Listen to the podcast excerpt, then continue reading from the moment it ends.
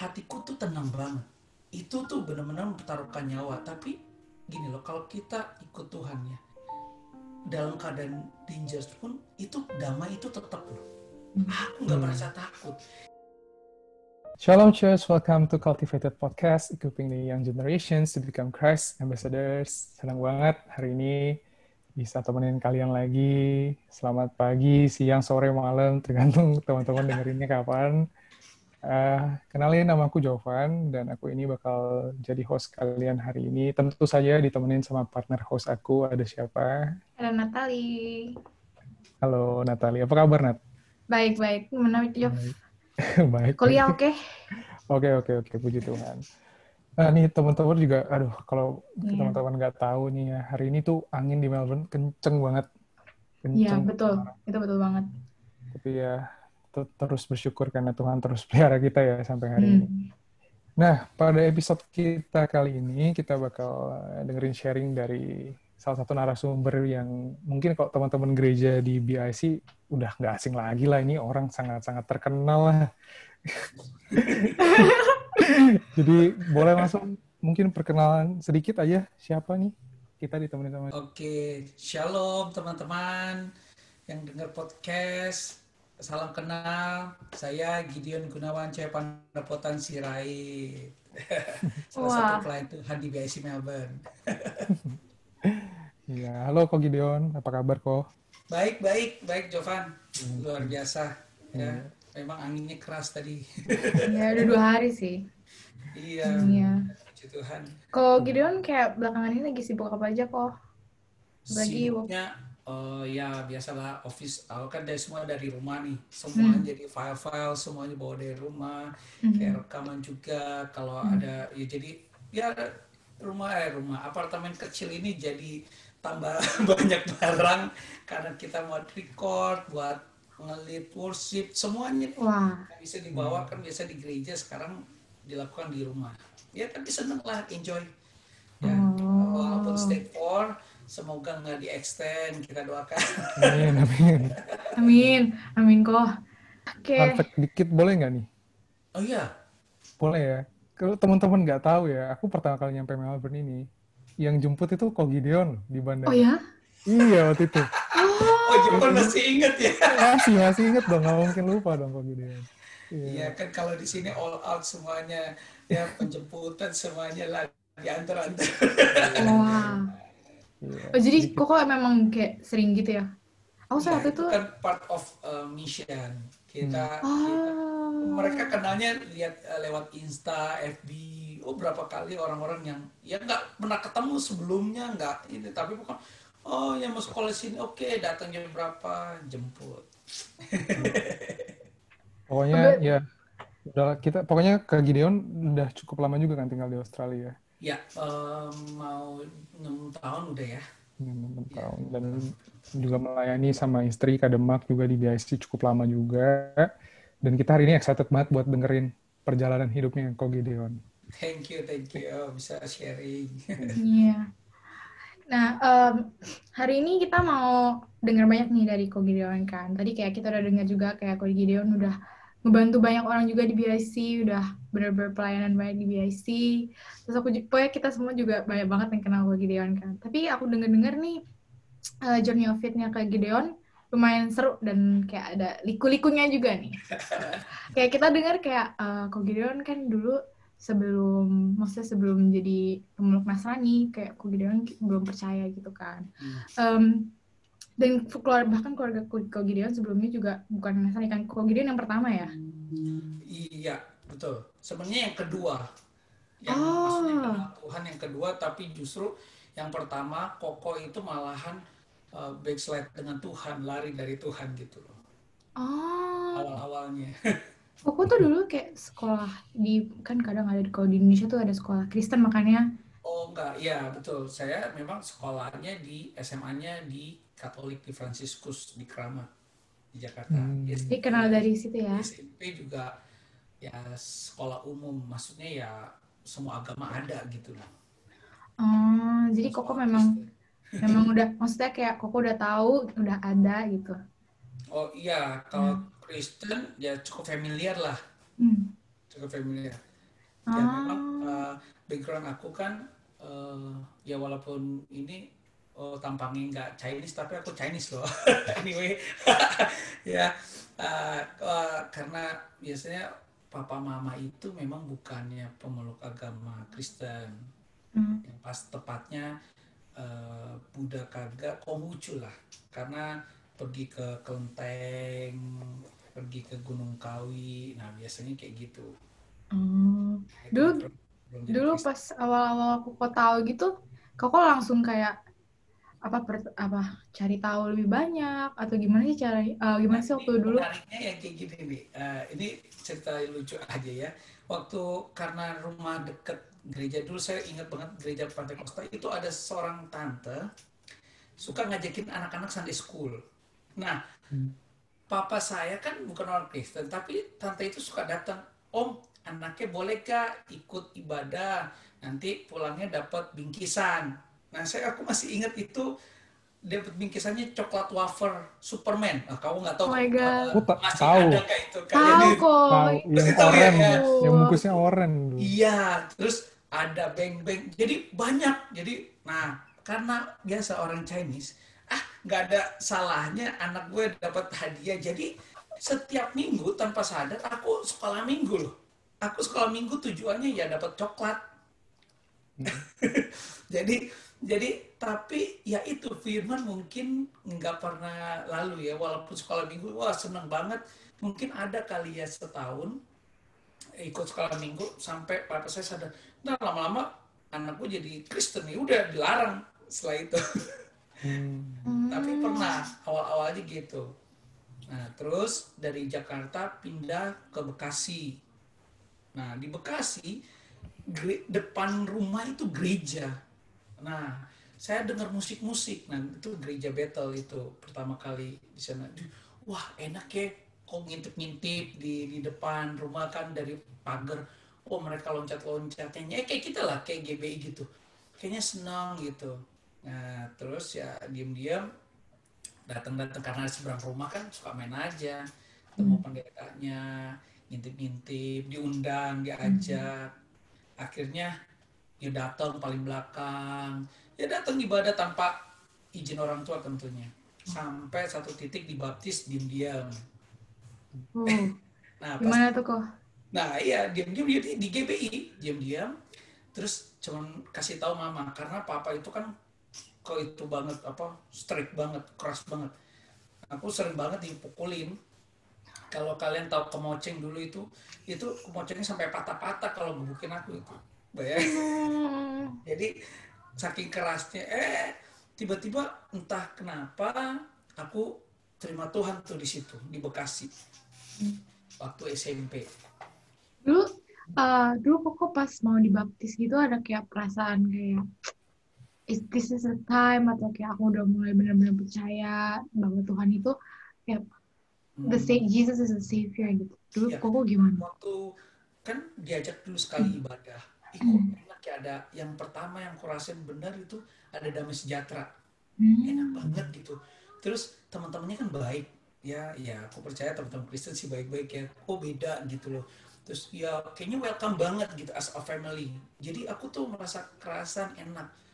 Nah jadi aku kalau ibadah ya nggak pernah ngomong gitu diam-diam aja.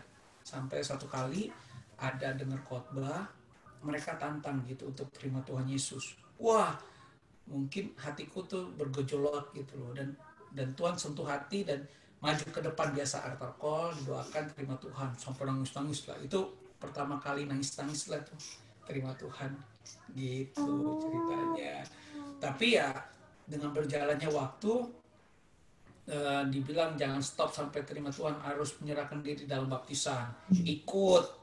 Ikut belajarnya dulu. Semuanya ini diam-diam ini. Ini secret semua. Nggak ada yang tahu nggak semuanya nggak ada. Aku nggak pernah bilang-bilang. Kalau bilang ya ini jangan ikutin ya. Tapi kalau bilang mau ke mana? Main.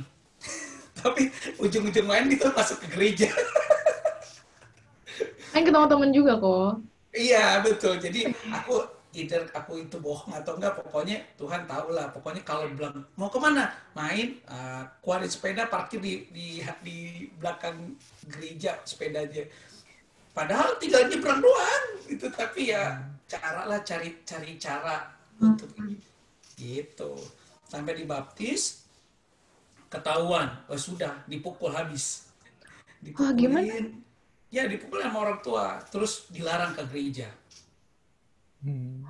Nah, tapi aku ya eh, udah berapa bulan gak ke gereja gitu walaupun itu eh, tapi akhirnya papa juga karena aku belajar juga dan nilainya juga cukup bagus aku bilang ayo pak nggak usah hadiah apa apa kalau naik kelas izinin ke gereja aja gitu. Akhirnya boleh.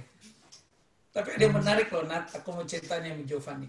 Waktu ibadah nah, lagi nyanyi nyanyi tiba-tiba papa saya di depan gereja teriak panggil nama saya. Itu ibadah lagi nyanyi segala puji syukur. Langsung semua musik berhenti. Terus pendetanya bilang "Eh, kan biasa aku Gideon itu kan nama baptis. Dulu belum dibaptis Gunawan. Gunawan kamu pulang. Papa kamu di depan tuh daripada nanti gerejanya dibakar. Wah, akhirnya di tengah ibadah itu berhenti total. Jadi itu awkward banget bener. Suasana tuh jadi menakutkan gitu. Karena papa saya marah sambil bawa golok tau gak? Ini serius papa saya itu tuh bukan bukan bukan maksudnya kalau dia udah bertobat tapi kalau sebelum bertobat aduh itu jahat sekali. Hmm. itu benar-benar itu ngeri sekali kalau kalau kisahnya. Tapi aku nggak tapi itu is happen gitu. Wah sampai rumah itu wah aku udah digebukin lah sudah. Kayak kayak orang tuh kayak gebukin maling. Mungkin kalian nggak oh maksudnya orang tua kayak gitu tapi ya gitulah papa saya Hmm. Karena kasih karunia Tuhan dia boleh diselamatkan sebelum dipanggil Tuhan puji Tuhan lah Gitu. itu pengalaman yang tidak pernah terlupakan tuh Wah, sebenarnya aku nggak tahu sih kalau Jovan, cuman kalau aku kan kayak aku dari awal maksudnya udah Kristen kan, jadi kayak something like this itu sesuatu yang menurut aku kayak apa ya, oh it can happen gitu. Hmm. Nggak pernah ya Nat harus bohong buat ke gereja ya. Iya, itu kok? Karena dulu, karena dulu kita, aku ya jujur, aku justru Sunday school malah kayak, ah, Sunday school. Terus kita yang kayak, kan dulu setiap hari, eh, aku nggak tahu sih zaman zaman kalau gitu, cuman kalau zaman aku sama Jovan mungkin sama kali, kita dulu nonton apa kayak di Indosiar ada Hmm. kartun gitu kan, kita kan lebih Oh, iya, beda iya, banget gitu. Jadi kayak to hear something kayak kok Gideon bener-bener sampai susah gitu untuk ke gereja. Aku ngerasa kayak, itu benar itu itu aku bilang aduh Tuhan pokoknya Tuhan tahu lah niat aku mau Hmm, bohong mau hmm. tapi aku mau ibadah oh, Iya. itu bertahun-tahun loh dari sejak SMP kelas 2 aku terima Tuhan sampai oh, SMA Ah. Terus Koko kayak kan tadi kan ada sempet tuh period di mana Koko kayak nggak boleh gitu kan. Gimana saya Koko bisa balik lagi? ya aku eh, ya kan eh, behave ya artinya behave gini. Aku rajin Eh, papa misalnya bawa motor tak cuciin bawa mobil tak cuciin. Wah kok tumben rajin? Pokoknya buat sesuatu yang rajin. Memang ya gitulah. Kayak menarik perhatian lah. Disuruh apa? Oke papa aku aja aku gitu. jadi menarik perhatian lama lu pasti ada maunya gitu.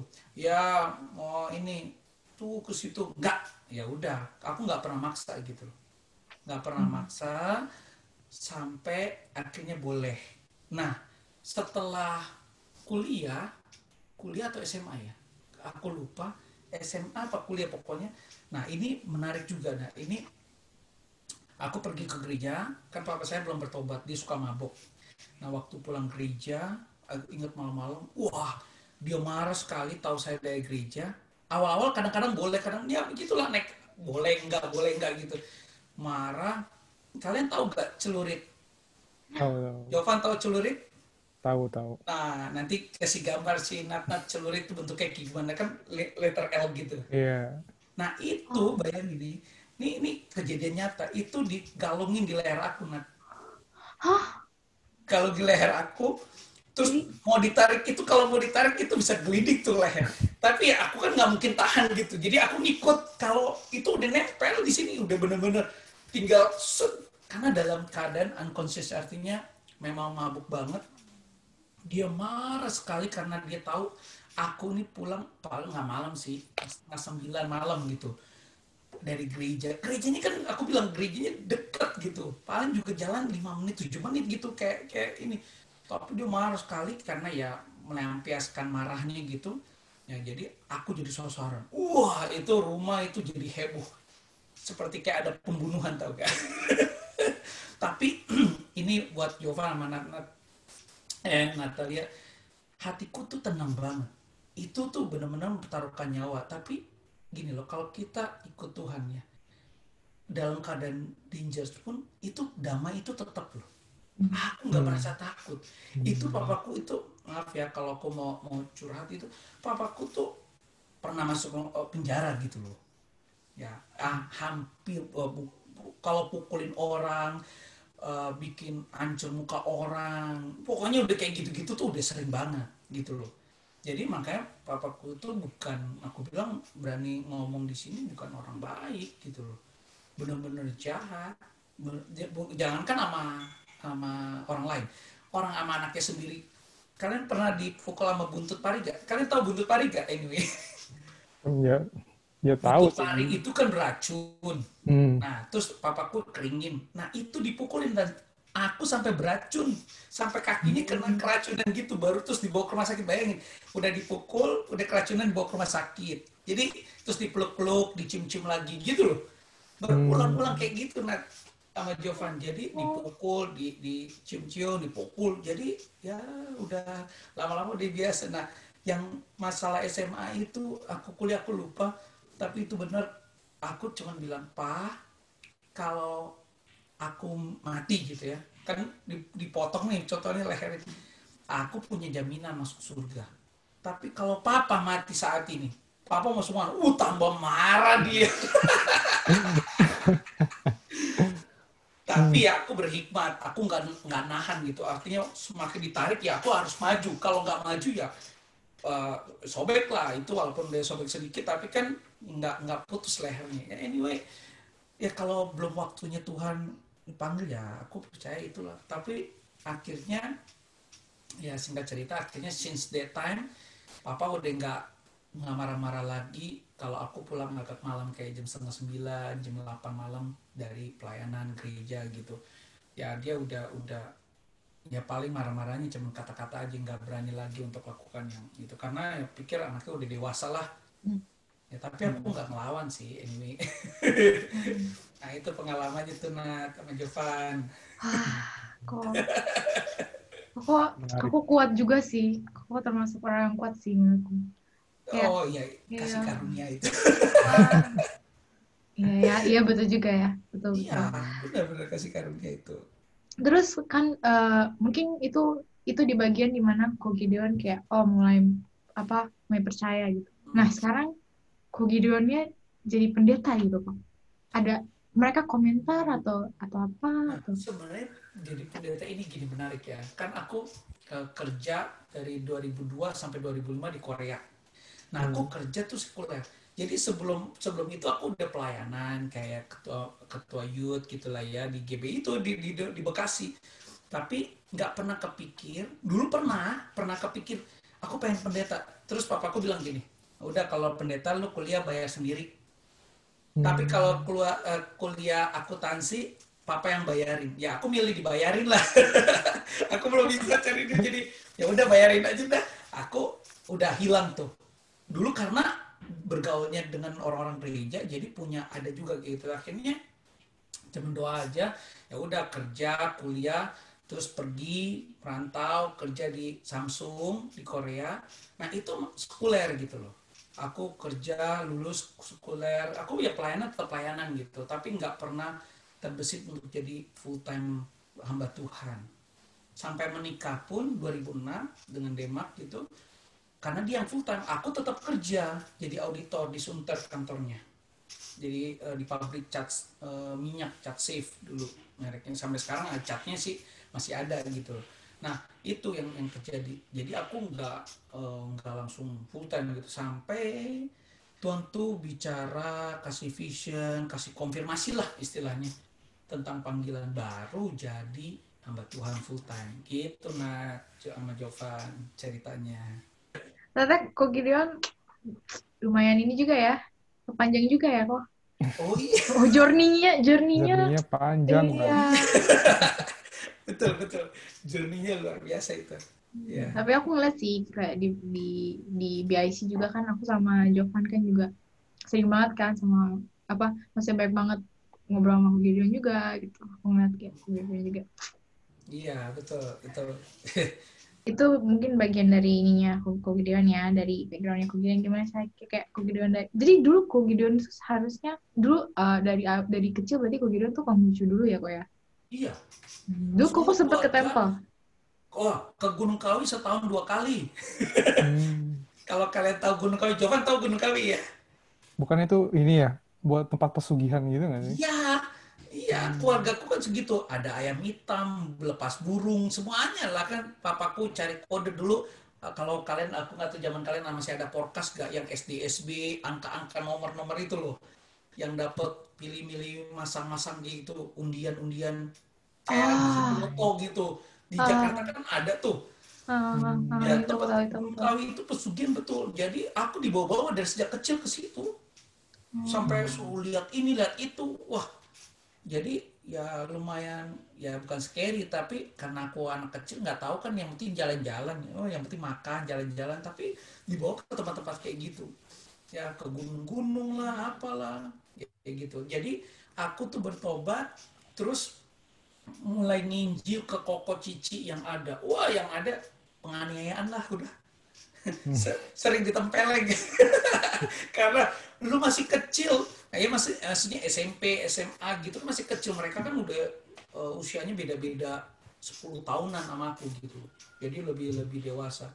Tapi aku ingat firman Tuhan katakan ya kayak itu kalau satu orang diselamatkan maka seisi rumah diselamatkan. Aku terus berdoa Nah, aku berdoa buat keluargaku itu kurang lebih ya sebentar sih eh, sekitar tunggu 19 sampai 20 tahun lah.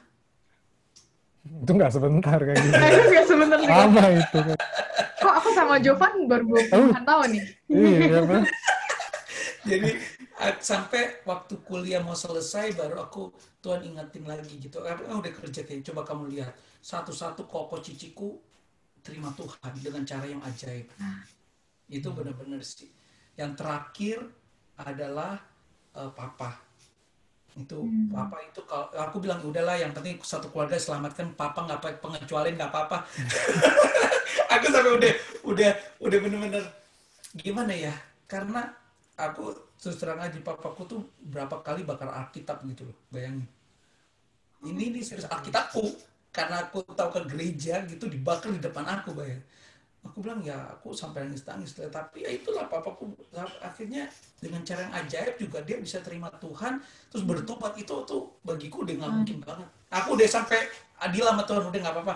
Yang penting sekeluarga selamat kecuali papaku nggak apa-apa lah ya satu korban. tapi enggak Tuhan perhitungkan dan ya puji Tuhan semuanya Puji Tuhan. jadi terima Tuhan Yesus dan percaya bahkan pelayanan jadi Uh. penduduk bayangin ini benar sampai sekarang mereka aduh aku kalau lihat aduh Tuhan tuh ajaib ya. Semuanya dijamah semuanya dilawat semuanya terima Tuhan Yesus. Ya puji Tuhan lah. Itu sekali lagi eh, aku hanya pegang firman itu orang mau ngomong oh itu kan nggak ini ya." tapi benar satu orang diselamatkan maka seisi rumah diselamatkan. Itu aku percaya banget dan karena aku udah ngalamin keluargaku. Jadi aku orang mau terima nggak terima ya terserah. Tapi itu aku alami gitu. Gitu Nah, Kak Gideon, tadi kan kita udah dengerin nih kayak journey tentang Kak Gideon. Sekarang kita penasaran nih eh, buat sama pelayanannya Kak Gideon, di, terutama di BIC Melbourne. Nah, kan Kak Gideon ini kalau nggak salah melayani itu di beberapa pelayanan, terutama kayak doa dan misi kan. Em, gimana sih eh, Kak Gideon tuh sampai di titik yang kayak, oh kayaknya ini eh, pelayanan yang cocok buat aku. Kayak mungkin ada panggilan kah atau atau gimana gitu. Kita penasaran banget nih Kak Gideon. Nah, untuk bilang aku pelayanan di Betani, pertama kan aku eh, waktu sempat kerja dulu setelah menikah, aku kerja tetap sekuler, karena kan Tuhan nggak ngomong apa-apa, sampai Tuhan panggil benar full time, terus aku ya ngomong sama Pak Johan kan Pak Johan langsung eh, supervisornya atau eh, gembala dari Pastor Demak ya, Hmm. Nah, karena udah menikah, Demak nggak jadi mission pastor lagi. Harusnya Demak kan, tapi ikut aku jadi eh, ya jadi wife biasa aja pelayanan biasa. Nah, setelah dipanggil Tuhan konfirmasi segala mimpi eh, aku aku benar-benar uh, uji berulang-ulang gitu karena posisinya udah bagus jadi auditor gajinya juga lumayan ya ya uh, oke okay lah ya namanya baru uh, pertama menikah tahun pertama kerja juga udah lumayan terus dipromosi pegang ini. Wah pokoknya banyak hal. Tapi di tengah-tengah itu dengan cara yang ajaib Tuhan panggil. Kamu hmm. mau gak ya jadi pelayanku full time gitu. Terus aku bilang ya aku ngomong sama istri. Nah ini yang lucunya nih. Ini ini buat kalian ya. Sepakat. Justru istri nggak setuju kalau aku tuh full time sebenarnya Padahal dia udah full time duluan kan waktu di di Korea kan ketemu dia pastor gitu, udah diutus gitu. Tapi dia bilang janganlah nanti kamu puasa bukan puasa uh, puasa karena ini tapi puasa ya terpaksa gitu kalau di lapangan di field tuh gitu. Ya aku bilang aku nggak bakal komit uh, agree kalau nggak konfirmasi demi konfirmasi berulang-ulang deh sampai empat lima kali lah. Aku tanya Tuhan benar gak ini dari Tuhan dapat mimpi penglihatan uh, peneguhan? Pokoknya banyak hal ya. Seperti ya namanya Gideon nih Tuhan kalau bisa kalau hujannya nanti cuma di yang kain kulit ini benar. Uh, terus hmm. pas benar nah kayak Gideon ya kisahnya Gideon. Yeah, yeah. makanya pendeta aku tuh kasih nama Gideon aku juga nggak tahu tuh. Nah setelah hmm. itu uh, jadi panggil. Nah jadi mission pastor nah diutuslah tujuh tahun pertama diputus ke Filipina hmm. di Filipina tujuh tahun ya sambil ambil master uh, eh, MDiv aku di sana nah itu baru benar-benar sekolah Alkitab ya di Filipina hmm. nah istriku juga ambil uh, Master of Art uh, tentang leadership di Jakarta ya jadi hmm. kita nih dua-duanya udah maksudnya sekolah Alkitabnya dia dia dari bachelor uh, sekulernya juga uh, manajemen uh, informatika S1-nya, kedua Master of Art. Kalau aku MD lulusannya juga kalau S1-nya akuntan. Jadi ya sedikit dikit banyak masih ingat-ingat lah ya tentang akuntan. Nah, waktu jadi mission pastor itu kan uh, memang dibawa Pastor Johan. Nah, Pak Johan yang ngutus ke Filipina, sempat ke Xiamen, sempat ke Papua Nugini. Nah, baru dikirim ke BIC begitu Jovan ceritanya. Hmm. Nah, jadi uh, kehadiran kami ini karena utusan Pak Johan untuk mengutus kami mission bantu pastoring yang udah ada di sini plus dengan doa. Kalau dia makan memang uh, doa gitu. Ya aku juga pasti ikut doa lah karena setiap mission itu selalu harus kuat dalam doa. Nah begitu Jovan ceritanya. Hmm. Menarik sekali. Iya. Tapi aku juga jadi penasaran nih, uh, Kok Gideon ada nggak sih tantangan tersendiri gitu dalam terutama mungkin pelayanan misi kali ya ada nggak sih ya. tantangan yang mungkin cukup signifikan uh, dari ah. pengalaman Kak Gideon gitu ya.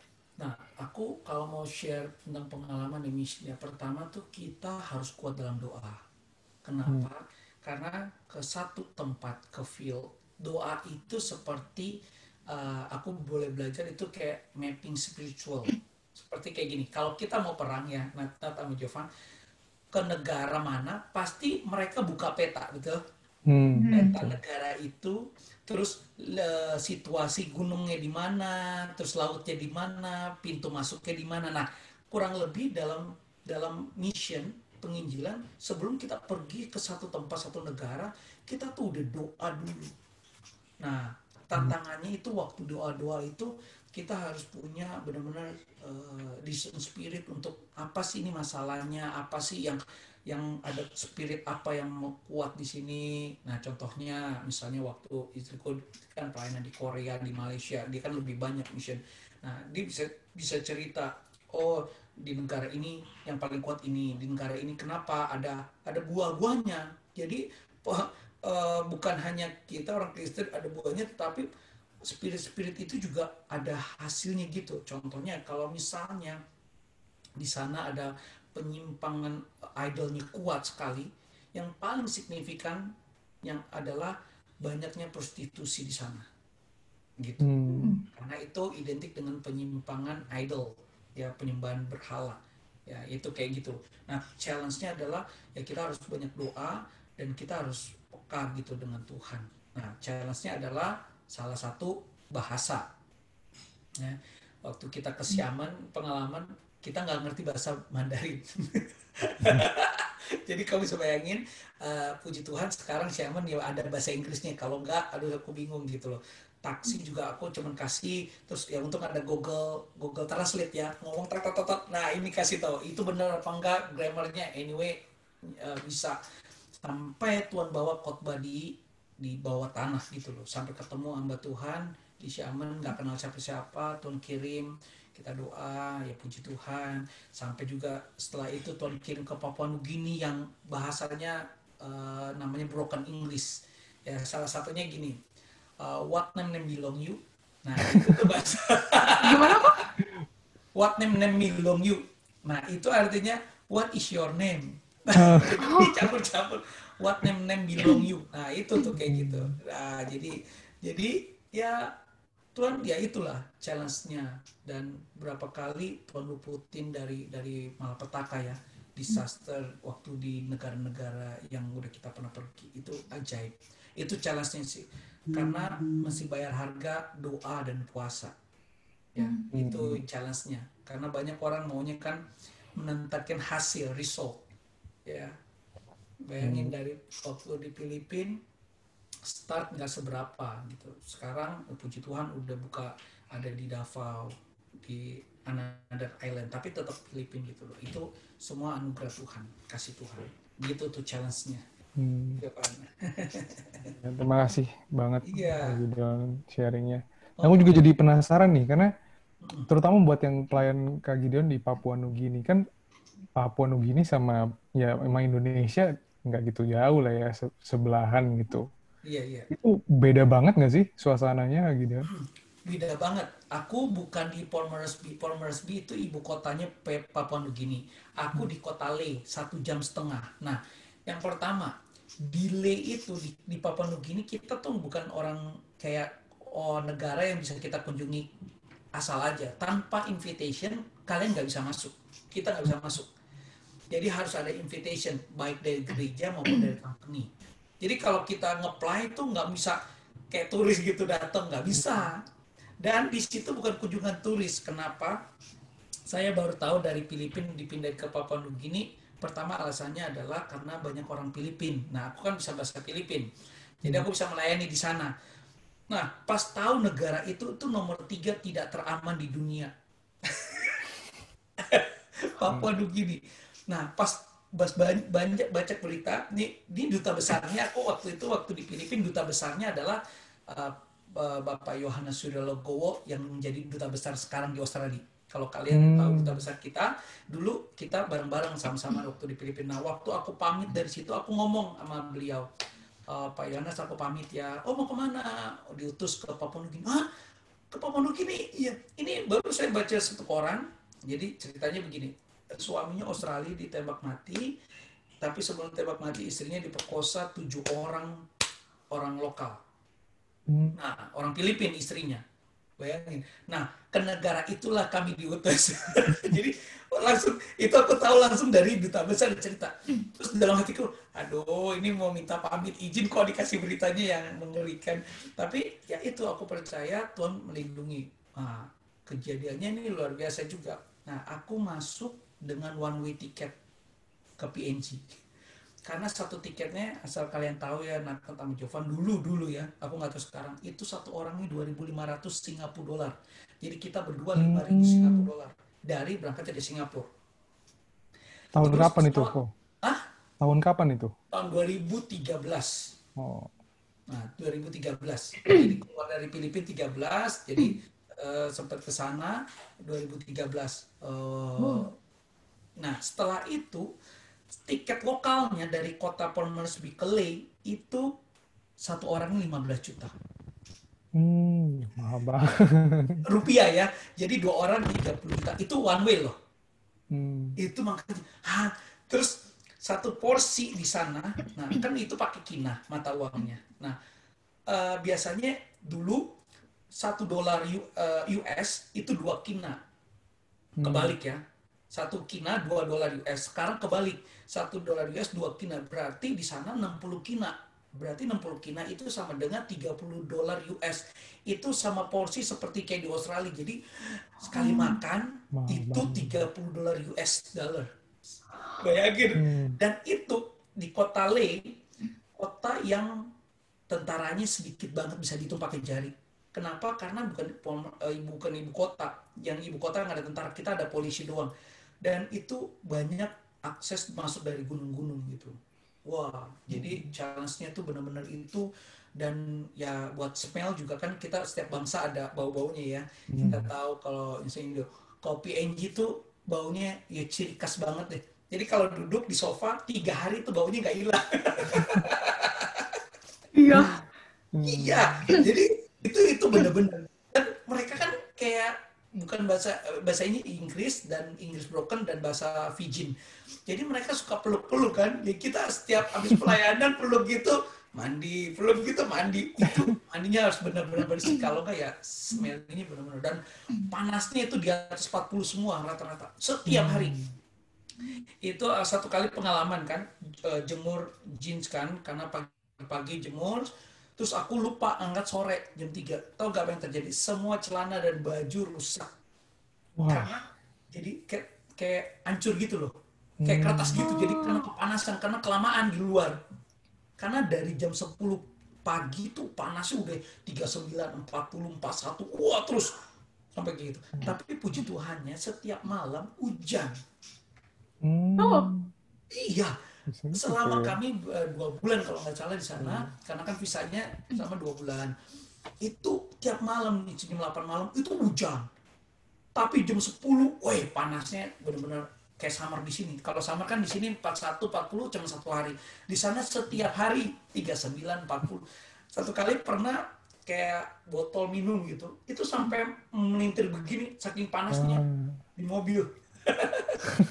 nah itu challenge-nya Jovan kalau waktu di PNG. Jadi ya karena kasih karunia Tuhan eh, ditugasin di sana dan sebenarnya tujuannya waktu kami balik kami tinggalin semua barang-barang karena rencananya mau pergi lagi mau mau dapat visa yang lebih panjang. Kan ini visanya sementara invitation cuma visanya dua bulan. Jadi kita full dua bulan jadi cuma bawa pulang cuma bawa tas kecil tas besar sepatu semuanya aku tinggal. Eh ternyata rencana Tuhan lain gitu. Tuhan instead daripada ke sana Tuhan bawa ke sini. Begitu ceritanya makanya ya cara Tuhan gitu loh untuk bisa pelayanan di BIC Melbourne sekarang.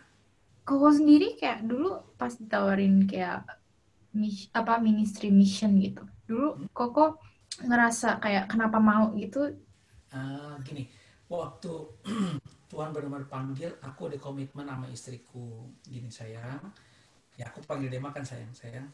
Aku nggak milih ya, aku misi gini. Kalau kan aku nggak pernah milih ke ke kayak oh kayaknya mission ke keluar keluar negeri enggak enggak. Aku bilang kalau Tuhan kirim kita ke pulau-pulau sekalipun, kita udah komitmen. Aku udah memutuskan gitu loh. Jadi udah memutuskan aku nggak milih satu negara tempat segala macam. Ke mana pemimpin pergi pergi. Termasuk ke Papua Nugini aku nggak pernah berpikir aku nggak pernah tahu Papua Nugini kayak gimana waktu. Gun kamu akan eh, keluar dari Filipina diutus ke Papua Nugini siap langsung siap aja udah. Karena kayak seperti prajurit nggak nggak tanya kenapa aku harus pindah? Eh, kenapa ke Papua Nugini kenapa nggak ke Amerika? Gitu kan? Kenapa nggak ke pokoknya kayak gitu? Nggak. Aku aku udah prinsip dari sejak pertama menyerahkan hidup untuk pelayanan Tuhan sepenuh waktu aku nurut aja gitu. Jadi ya Tuhan sampai bawa ke Papua Nugini aku nggak pernah untuk tapi yang sulit ya istriku agak bergumul. Karena aku juga agak takut kan jujurnya karena di sana memang banyak rap gitu loh. Jadi jadi dibegal kalau cewek itu diperkosa gitu terus suaminya dibunuh itu tuh banyak sekali terjadi di PNG tapi aku bilang ya udahlah kamu siapkan saya kalau mati di ladang misi pun ya sudahlah martir kita sudah. Aku udah udah karena kita tuh prinsipnya kayak gitu. Menjawab sama Nathan kalau udah pelayanan sepenuh waktu ya kalau udah di ladang misi kalau sekarang Tuhan mau panggil kenapa kenapa ya sudah gitu. Dan pernah Tuhan luputin kalau nggak mobil kita kebakar gitu. Tapi Hmm. Tuhan luputin itu tuh benar-benar chaos waktu itu. Karena ada demo kan aku nggak tahu gitu. Karena kulit kita kan beda. Mereka kan semuanya hitamnya hitam mengkilap gitu. Hitamnya benar-benar kayak yang Hmm. lebih gelap daripada Irian Jaya jujur. Hmm. dan kalau aku bilang dulu ya mungkin lebih bagus Irian Jaya. Kita ya Indonesia daripada PNG ya orang-orangnya atau apunnya tapi ya wah di dalam mobil itu cuman aku berdoa Tuhan tolonglah jangan sampai dikeroyok dibakar. Terus kitanya khususnya istri aku aku lebih concern ke istri ya. Karena waduh Tuhan itu benar-benar waktu itu chaos di tengah kota. Kita nggak tahu malah kita kedatang ke tengah kota mau belanja. Kok bingung? Kok toko-toko tutup ternyata lagi demo dan itu waduh orang pada kumpul. Ya puji Tuhan tentara ingetin kita eh cepet-cepet eh, keluar eh apa balik balik balik balik ya balik akhirnya ya begitulah Oh, Iya. mungkin nih kok buat kayak kan dari yang mungkin yang dengerin udah ngedengerin kok kok kok Gideon cerita tentang mission nih. Mungkin ada yang mau nih kok ikutan Nah. mission juga. Mungkin mungkin kalau kok bisa kasih kayak apa ya sharing sedikit mungkin salah satu hal yang kayak kok menurut kok tuh kayak bener-bener give you a very long lasting impression yang kayak kok nggak bisa lupa gitu sama kayak sedikit saran gitu kalau misalnya mau ikut mission gimana kok? Nah, kalau yang tetap mission ya, yang nggak pernah lupa tuh eh, yang aku kita ngalami ini namanya God provider tuh bener-bener Allah yang mencukupi. Ya, kita kalau kita benar-benar berserah sama Tuhan, Tuhan cukupi sampai saat ini. Ya, Eh, nggak berlebih, nggak berkurang. Ya, Hmm. artinya Tuhan cukup. Jadi seperti doa Tuhan Yesus. Itu yang pertama. Aku tuh kesan aku ya di sebagai mission itu yang eh, cukupkanlah pada hari ini makanan kami yang secukupnya itu tuh bener-bener gitu loh itu nggak usah khawatir ya terus kalau tapi banyak yang yang kekurangan segala macam itu kasih karunia kalau kita mengalami hal itu aku juga pernah ngalamin tapi kan aku nggak pernah eh, cerita gitu loh karena itu bagian eh, apa kehidupan yang benar-benar menjadi pembelajaran buat kita Terus yang buat anak-anak yang mau suka mission kan setiap tahun ya karena covid ya setiap tahun kami ada mission ke minimal ke Filipina. Kenapa aku bilang kok ke Filipina lagi sih? Karena Filipina negara yang eh, maksudnya bukan aman ya, tetapi boleh dikatakan eh, lumayan untuk challenge, tetapi masih rada situasinya kondisi masih ba- baik. Soalnya kalau dibawa ke tempat yang agak ekstrim, Melbourne belum pernah uh, mission. Jadi sejak kami datang 2014 kalau nggak salah apa 2015 dua- start kita 2015 hampir setiap tahun kecuali 2017 kayaknya nggak ada kalau nggak salah karena ada, kita ada event di sini. Nah setiap tahun kita biasanya berangkat ke sister church kita di Filipina. Ya itu jadi ladang misi kita dan kita banyak belajar. Angkatan pertama itu ya itu Kevin, Rika, eh, ya itulah angkatan pertama tuh ada 12 orang. Lien, oh dulu aku masih inget Lien, eh, si dancer siapa ya? Rik, bukan Rika, siapa? Eh, penari kita? Elvi, Bukan. Aku nggak ingat semua. Oh Priska, Cipriska. Iya, Oh, gitu. itu angkatan pertama tuh. Itu itu itu mengalami yang luar biasa itu. Itu angkatan pertama, terus angkatan kedua, terus terus sampai terakhir itu angkatan eh, itu apa eh, wanita semua. Oh yang Tabita ya. Jane, Ya. semua Ori itu tuh wah itu lebih lebih seru lagi. Jadi buat orang-orang yang untuk mau involve di mission, join lah. Eh, nggak usah susah-susah nanti. Semoga tahun depan udah baik semuanya kita bisa berangkat lagi. Kenapa eh, Filipina? Karena satu negaranya banyak orang kan orang tuanya belum tentu setuju. Tapi kalau di Filipina ya bukan garanti tetapi masih safe gitu loh dan itu juga kita akan membantu sister church kita ya kalau seandainya oh kenapa kalau nggak ke Indonesia Indonesia bisa tapi nanti kan oh, kalau misalnya dalam keadaan kayak gini lebih sulit lagi atau gimana nah, kalau ke negara yang berbase Inggris ya berbahasa Inggris Tagalog yang mereka kan bisa belajar juga culture yang baru betul ya? Kan budaya orang Filipin gimana sih makanan orang Filipin? Wah kalian kalau lihat makannya di uh, pada lihat itu jadi satu meja makan jadi semua tangan masuk tau gak saya di situ makan di situ jadi makan terus bergilir pindah-pindah keliling. Jadi bekas tangannya itu ini beneran ini ini jawaban itu pengalaman pernah terbang kalian boleh tanya itu sama si Cory, Erika, itu Jen semuanya loh. Jadi kita nggak malu-malu lagi, kita higienis, higienis lah. Aku berdoa lah supaya ya puji Tuhan mereka nggak sakit perut ya di sana ya. Karena beda banget. Terus ya kita makan lalat-lalat di mana gitu kan. Nggak kayak di Australia, Melbourne kan bersih banget. Mana ada lalat jarang. Kalau di sana, wah kita harus scan Jakarta. Jadi untuk tips yang mau ikut mission, yang pertama ya ikut mission yang yang simple ya.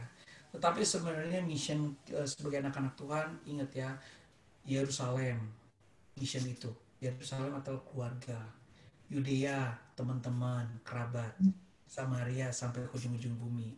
Jadi kalau untuk mau experience aku belum bisa gini, gak usah khawatir mission itu nggak dibatas harus pergi keluar, tetapi justru ke dalam pun ke keluarga ya seperti yang aku alami itu juga mission. Hmm. sambil ber, sambil berjalan sambil doakan jadi hmm. oh, kata mission itu nggak harus ya pergi yang terus pergilah jadikan semua bangsa berikut nah, tapi kalau ada kesempatan please kalian akan terbuka cara kalian melayani. Hmm. oh, aku tanya sama Kevin waktu itu. Kalian boleh tahu di sana Kevin kan pemain drum dulu Kevin kan? Terus sampai tersentuh karena yang main drum di sana orang buta bayangin wow tapi bisa main dan ngikutin beat. Dan alatnya itu ampun, alatnya benar-benar jauh sekali lah dengan dengan dengan BIC Melbourne gitu alatnya. Tapi mereka bersuka cita ya nyanyi juga ya di pas-pasan gimana gitu. Tapi semuanya mereka suka cita dan ada ada kehalusan dan kelaparan yang yang dahsyat dan yang kalian bisa alami. Dan kalian bisa tanya bukan mungkin karena aku sebagai misalnya pastor bisa wah kayak promote. Enggak enggak. Kalian bisa tanya dari angkatan pertama sampai terakhir. Gimana sih? Tanya aja si Cory tanya sama Kevin Ripka yang pernah ikut ya. Terus uh, Priscilla semuanya yang yang pernah ikut. Cobain kalian tanya pengalaman mereka dan mereka aku berani katakan difference. Jadi waktu mereka balik mereka tuh benar-benar lebih berapi-api karena kita nih BIC Melbourne alatnya wah udah the best lah. Fasilitas udah oke okay semua di sana. Wah sederhana ya artinya kembali lagi ke hati kita. Kalau mission itu Jovan tadi tanyain ketika kalau mau apa siapin ikutlah. Ambil bagian. Ya memang bayar harga. Mereka tiket tanggung tapi akomodasi gereja. Jadi kita ya bisa subsidi bagian akomodasi dan makan dan semuanya. Tapi tiket ya untuk itu kita bayar harga. Karena kan kita nabur ya. Itu nabur dalam arti kata untuk tiket pesawat itu. Nah mungkin itu Jovan yang aku bisa share tentang tips kalau kita mau pelayanan mission segala macam. Ya nggak usah jauh-jauh mulai dari keluarga dan kalau ada kesempatan mission trip. Ini kan mananya mission trip perjalanan. Kan nggak lama gitu. Paling lima hari biasanya. Nah ikutlah hmm. gitu. Nah, boleh banget tuh. Iya. Mau boleh banget kalau tuh. Udah ada covid mau. Nah, kalau nggak, ya itu masalahnya itu doang sih sekarang ya. Nah, iya. Semoga covidnya bisa cepet-cepet lah ya kok. Iya. Iya. Betul betul. Iya yes, sih. Jovan ada yang mau ditambahkan? Paling ya seperti biasa lah sebelum kita tutup pertanyaan favorit dari semua episode uh, buat narasumber kita. Kalau Gideon ada nggak sih? Mungkin ada, ayat itu, ada itu, itu kalau orang Batak bilang Filipi Sada ayat 20 Sada. Apa itu? Filipi 1 Filipi 1 ayat 21. Iya, coba baca itu. Ayo. Yang satu ayat 21 aku kayak yeah. aku cari ya. Aku tahu Sada itu satu. Oh, oh kamu apa? Ngomong-ngomong Nat. Aku uh, aku aku baru si eh aku buru apa bere ya? Aduh, aku nggak bisa ngomong bahasa lah, aku. Kamu cewek, kalau cowok oh, marga. Aku si tepu kok. Si tepu, oh karo iya, dong. aku karo ya. Oh, berjua-jua. Tapi aku Batak KW kok. Oke, okay, Filipi satu, Filipi satu ya kok. Nah. Filipi satu ayat satu karena bagiku hidup adalah Kristus dan mati adalah keuntungan. Nah, itulah. itu mission banget awal, ya kok. ya waktu awal mission uh, benar-benar itu itu yang Tuhan taruh sampai sekarang tidak pernah uh, habis. Jadi aku bisa dalam bahasa Batak Filipisada itu ada ya hidup bagi Kristus mati adalah keuntungan. Jadi kalau hidup menghasilkan buah kalau mati ya sudah. Berarti kan selesai gitu loh. Jadi ya mau apa mau ngomong apa lagi kita kan nggak bisa extend ya. Kalau kitanya pengen extend gitu tempat tinggal kita di bumi ini. Tapi kan kalau waktunya sudah Tuhan panggil ya mau ngomong apa? Jadi gitu jadi eh, untuk teman-teman ya nggak nggak usah khawatir dengan segala sesuatu lakukanlah dengan sukacita gitu oke sip Oke. Makasih banget Oke, nih. masih. iya Terima kasih. oke Nat Jovan Oke, sebelum aku tutup mungkin buat eh, buat pendengar aja dan yang ngelihat kita di YouTube, eh, semoga sharing dari Ko Gideon salah satu pas mission pastor kita ini sangat terberkati buat kalian seperti Hmm. aku sama Jovan juga terberkati banget curhat-curhat sama Ko Gideon. Kita udah kenal tapi belum lama banget ya aku belum pernah ke- kenal Ko Gideon sedekat ini. Oh, Semoga orang-orang bisa terberkati dan juga bisa mulai ikutan mission trip juga. amin Amin. Semoga banyak orang yang bisa terberkati dari kita. Amin. Kalau kalian hari ini ngerasa terberkati, jangan lupa like, subscribe, share juga di Spotify, di YouTube. Sampai Oke. jumpa di episode Cultivated yang selanjutnya. Bye-bye. Ya, bye.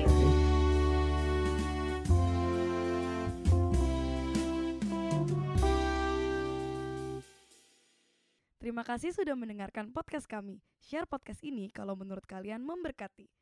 Cultivated Podcast tersedia di Spotify dan YouTube dan kalian bisa cek juga Instagram kita di cultivated.podcast. Terima kasih.